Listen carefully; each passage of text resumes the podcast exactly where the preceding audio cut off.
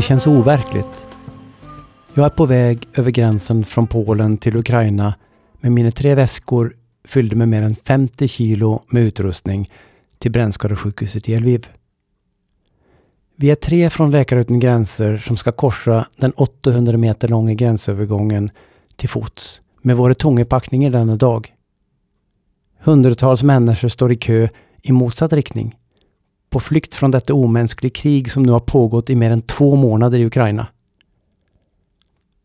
Jag går fram till den polske passkontrollanten och sträcker fram mitt norska pass. Han kastar en blick på det och ställer en snabb fråga. Kan ni hjälpa kvinnan där framme?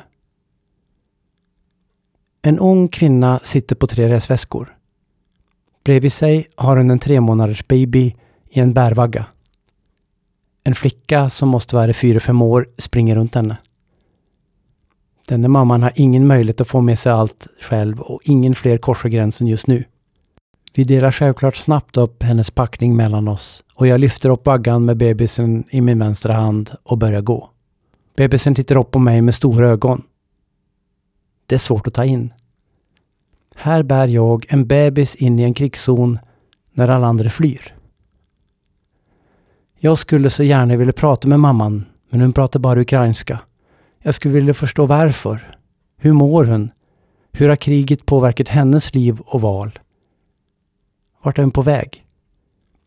Vad väntar henne i Ukraina när hon nu återvänder? Jag heter Morten Gildal och jobbar till vardags som plastikkirurg på Brännskadecentrum på Akademiska sjukhuset i Uppsala. Att ta hand om människor som har drabbats av svåra brännskador och deras nära och kära, det är något som jag har gjort länge. Väldigt länge. Och för mig har det varit viktigt att få göra detta. Att möta människor i kris. Att kunna bidra till att göra livet lite lättare för de som drabbas. Att kunna stödja när det är som svårast. Att kunna få följa en person över flera år och se hur bra det trots allt kan bli efter en svår brännskada. Det har gett mig mycket. Jag har ett fantastiskt jobb. Jag fastnade nog för detta när jag som ung läkare fick möjlighet att resa runt i hela Sverige som del av min forskning. Under ett år besökte jag och sjuksköterskan Kurt 60 patienter som hade vårdats hos oss på Brännskadecentrum någon gång under de senaste 20 åren och som hade skattat att de fortfarande hade besvär efter brännskadan när vi skickade ut frågor till dem. Vi reste med tåg och bil till byar och städer från Uppsala och hela vägen norrut till Sundsvall, till Kiruna, till Gällivare, till Vilhelmina. Vi träffade dessa före detta patienter i deras hemmiljö och på deras arbetsplatser. Att få privilegiet att få komma hem till alla dessa människor och få höra berättelserna om deras liv innan skadan. Om olyckan de hade varit med om. Om tiden på sjukhuset hos oss och den vård vi hade gett. Om deras väg tillbaka till livet. Och att få göra det i deras egen hemmiljö. Ja, det gav mig en insikt om hur olika det kan se ut och en stor ödmjukhet för den kraft som finns i oss människor även när vi drabbas som hårdast. Men jag fick också en djup respekt för hur svårt livet kan bli om man inte får det stöd och den hjälp man behöver. Både fysisk och psykisk. Av sjukvården, men också hur avgörande stödet är från nära och kära. Och så betydelsen av kaffe och fika. Betydelsen av att kunna ta sig tid att lyssna, att få kontakt, att skapa tillit. Hur viktigt det är med ett bra samtal. Och att lyssna, det är inte lätt. Jag kommer ihåg en äldre kvinna jag träffade på en av resorna. Hon hade drabbats av en svår brännskada för många år sedan, men det hade gått bra för henne. Det enda hon inte kunde göra när jag undersökte henne var att lyfta armarna över huvudet. Då stramade det för mycket i huden. Och som plastikkirurg så är direkt lösningen. En enkel sätta plastik, en liten operation och så skulle hon få full rörlighet. Så det var ju bara att planera för det. Då tittade hon strängt på mig. Aldrig i livet, svarade hon. Min maka har aldrig tidigare hjälpt till med att städa i köket, men sen skadan så måste han det. Och så ska det fortsätta, Så en operation, det blir det inte. Ja, det är ju så lätt att inte lyssna och istället tolka vad som är bäst för patienterna. Eller som den unge mannen som drabbas av djupa brännskador på båda benen tio år tidigare. De var transplanterade, men ärren var mjuka och han hade full rörlighet, så för oss var det ett jättebra resultat med tanke på den svåra skadan. För honom var ärren en katastrof. Han hade isolerat sig, visade aldrig upp sig för andra utan långbyxor, hade aldrig inlett någon nära relation och upplevde att det verkligen hade påverkat hans liv. Och ingen, i alla fall inte inom sjukvården, hade frågat honom om hur han hade det, hur han mådde. Brännskadan var ju läkt.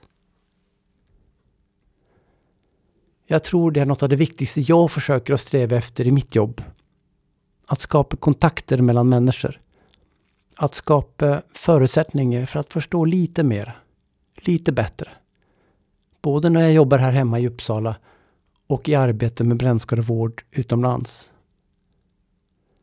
Det var en gåva jag fick att förvalta då, alla dessa berättelser. Och det har verkligen präglat mig hela mitt yrkesliv.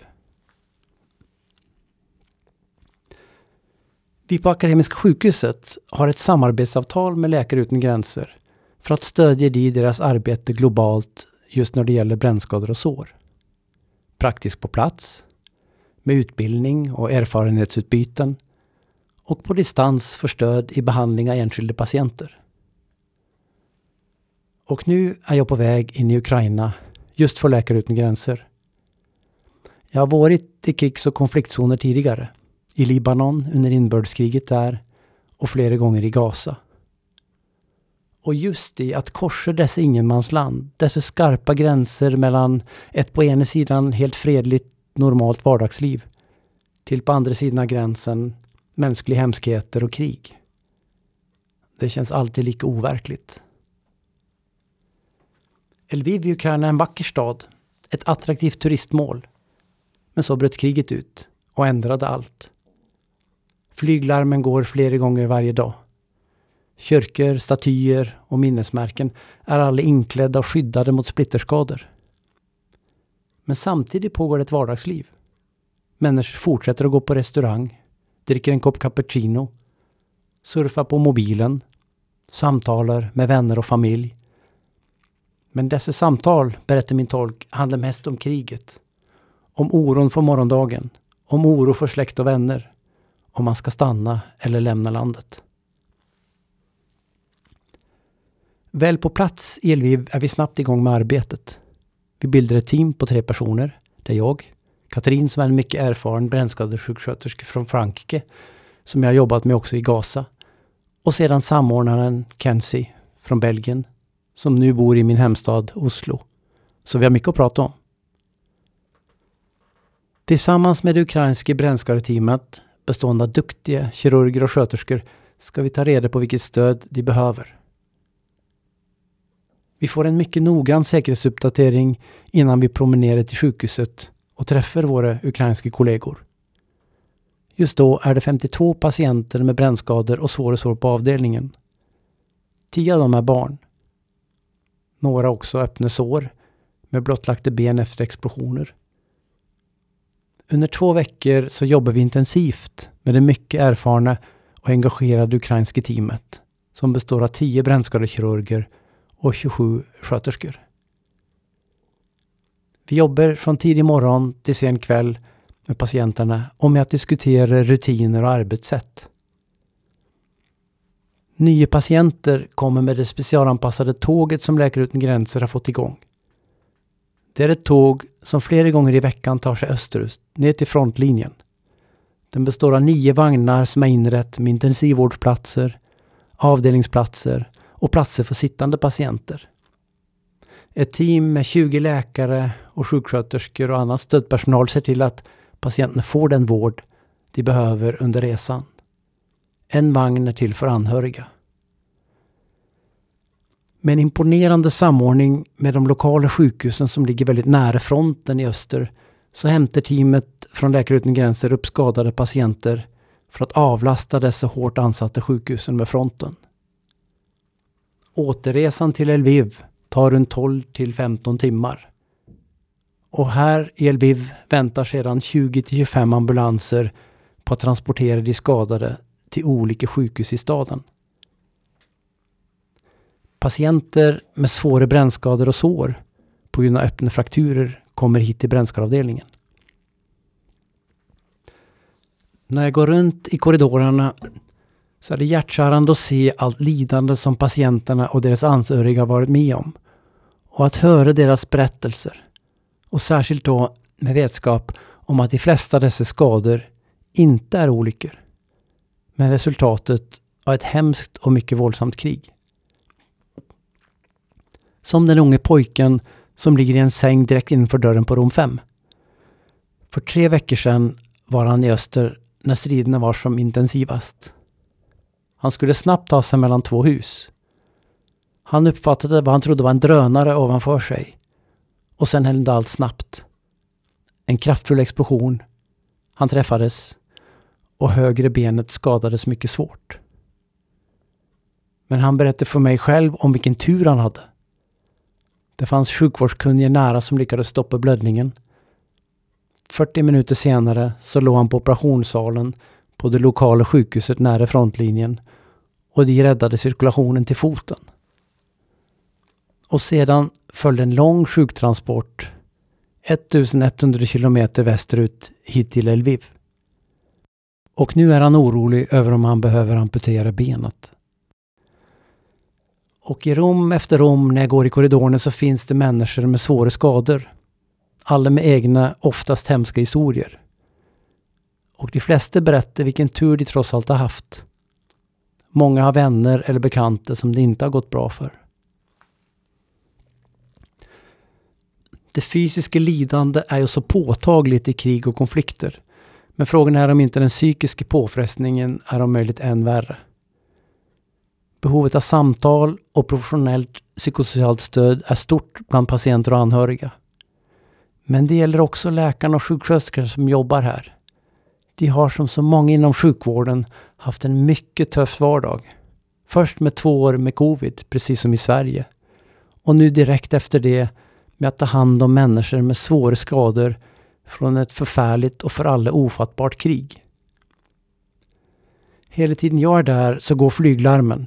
Flera gånger om dagen, ibland upp till sex gånger per dygn. Så kriget gör sig hela tiden påmint. Många är oroade över sin anhörigs säkerhet och även osäkra på vart deras anhöriga befinner sig. En av kirurgerna jag jobbade med har sin svärson vid fronten bara tre kilometer från ryska gränsen. Mobiltelefonerna fungerar otroligt nog fortfarande och flera gånger per dag så såg jag hur han oroligt kollade i mobilen. Och när jag frågade hur det var så kunde han tårfyllt berätta om svärsonen som bara några månader tidigare levde här i Lviv med fru och barn och ett vanligt jobb. Med dessa tårfyllda ögon tittade han på mig och sa Jag kan bara inte fatta att detta verkligen händer. Vi ukrainare kan inte förstå och ta in att detta sker med oss 2022. Och så fortsatte han till operationssalen. Senare fick jag veta att på kvällarna så jobbar de flesta av personalen med olika frivilliginsatser. Med att packa matlådor och kläder för att skicka österut. Eller med att hjälpa någon av alla de som har flytt hit från öst. Och trots allt detta så fortsätter sjuksköterskorna och läkarna här att göra sitt arbete med så mycket fokus och engagemang för att ge patienten en bra vård men också med en så stark vilja att ytterligare förbättra och utveckla brännskadevården.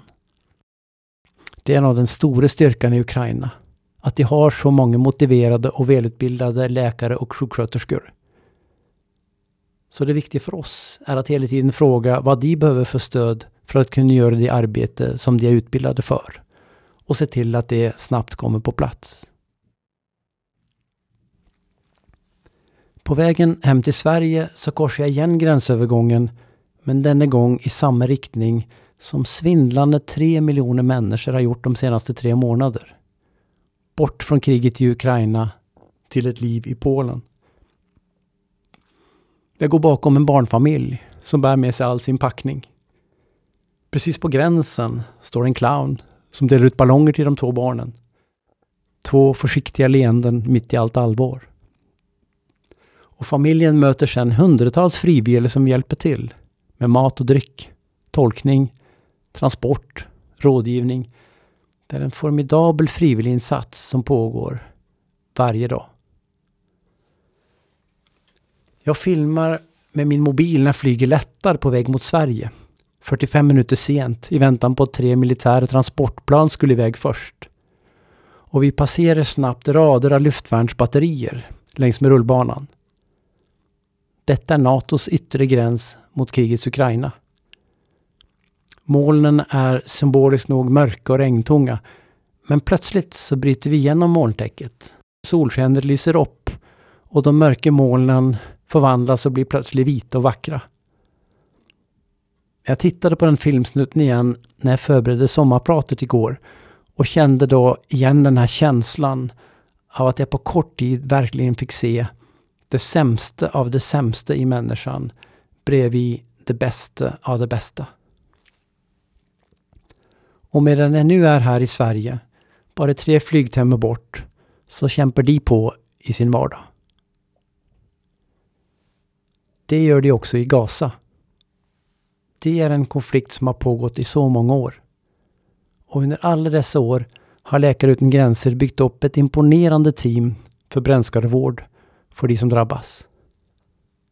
Det är tredje gången jag är där bara dagar efter det senaste elvadagarskriget i slutet av maj 2021. Också denna gång passerar jag ett ingenmansland, gränsen mellan Israel och Gaza. En mängd vägspärrar och ståldörrar som öppnas och stängs automatiskt. En tyst och ödslig känsla i den intensiva värmen.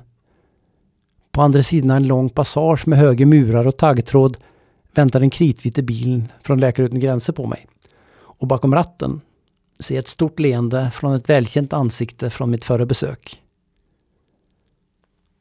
Det blir heldagar på operationssalen med ett team av mycket erfarna operationssjuksköterskor.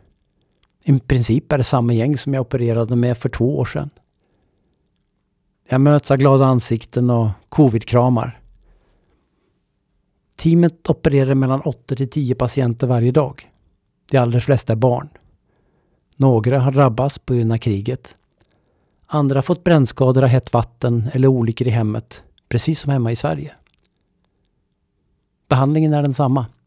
Operera bort brännskadan, ta frisk hud som sedan transplanteras på såret. Sedan är det viktigt med noggranna omläggningar så huden kan läka.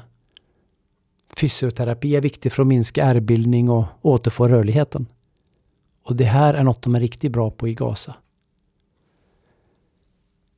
Varje gång jag reser ut för att jobba med brännskador så lär jag mig något nytt att ta mig hem.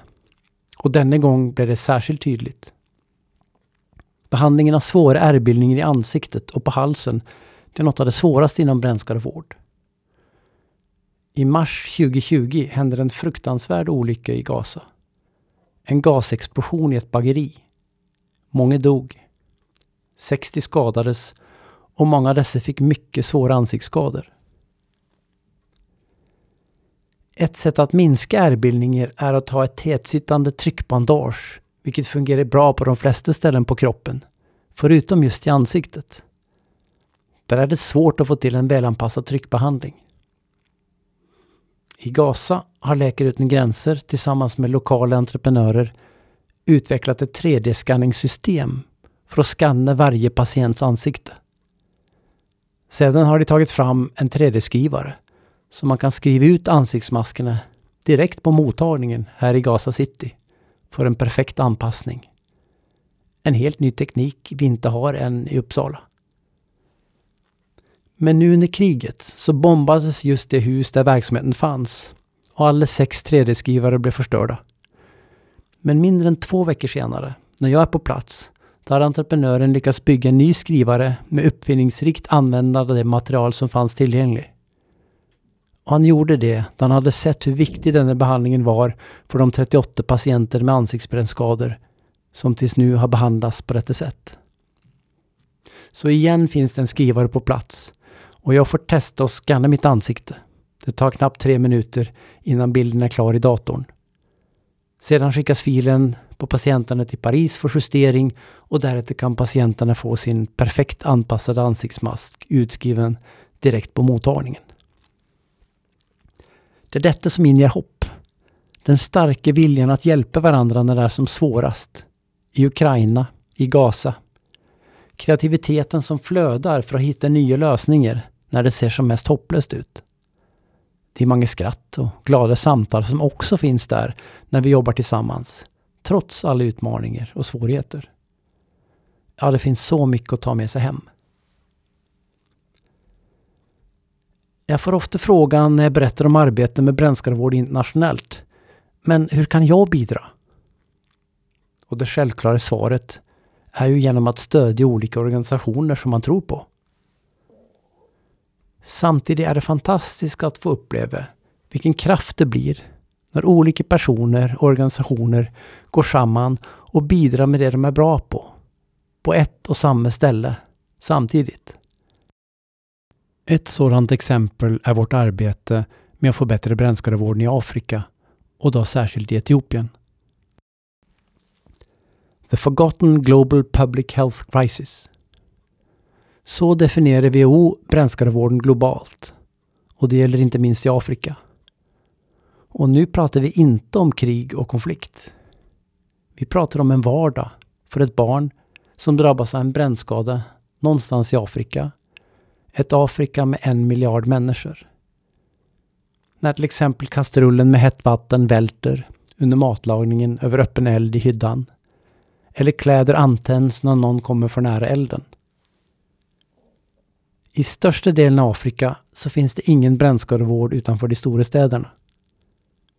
Utan modern basal brännskadebehandling är det många av dessa barn som inte överlever brännskadan. Om de klarar sig väntar månader med smärtsamma såromläggningar utan bra smärtlindring. Och när såren läker av sig själv under lång tid så blir det svåra ärrbildningar som leder till svårigheter att röra armar och ben. Som lille Joshua på ett sjukhus i södra Etiopien på gränsen mot Kenya. Han hade vårdats i tre månader med smärtsamma omläggningar varannan dag utan bra smärtlindring i en stor sal med 29 andra barn. Han var en av de första patienter som blev opererad med hudtransplantationer i Arbaminch. Nu har det gått fem år sedan dess. Och skulle Joshua ha kommit till sjukhuset i Arbaminch idag så skulle han vårdas på en helt ny brännskadeavdelning. Den första utanför huvudstaden Addis Abeba. Han skulle träffa två utbildade plastikkirurger och ett team av brännskadesjuksköterskor. Han skulle opereras direkt med hudtransplantationer och få en bra smärtlindring en riktigt bra brännskadevård. Och hur har detta gått till?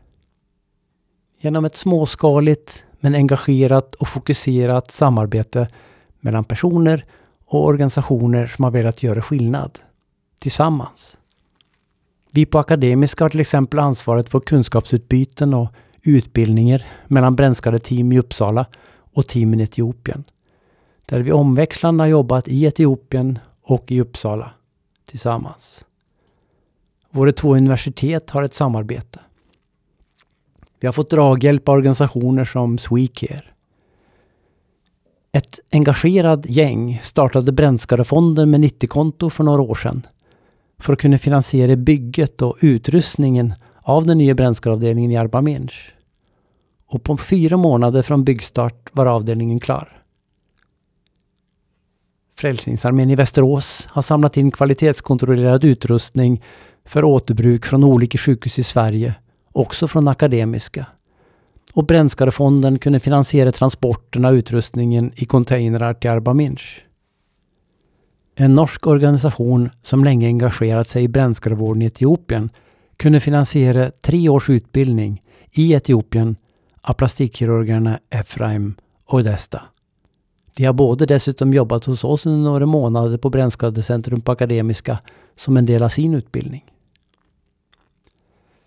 IT-studenter från Uppsala universitet har entusiastiskt hjälpt oss att ta fram mobila användarvänliga digitala kunskapsstöd för att underlätta samarbete och erfarenhetsutbyten.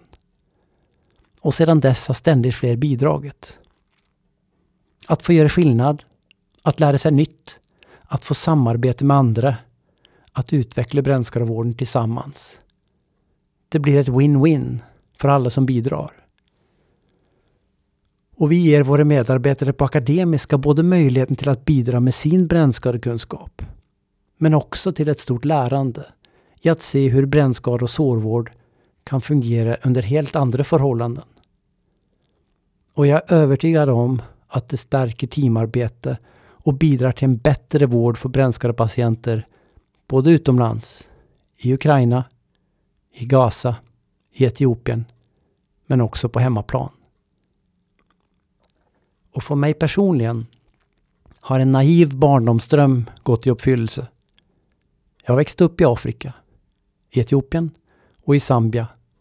Och jag kommer så tydligt ihåg hur jag i slutet av femman bestämde mig för att bli läkare.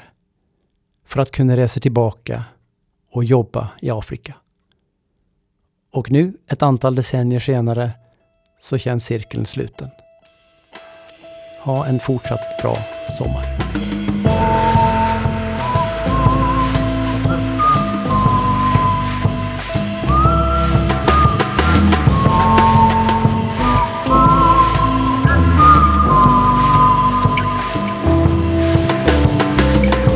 Thank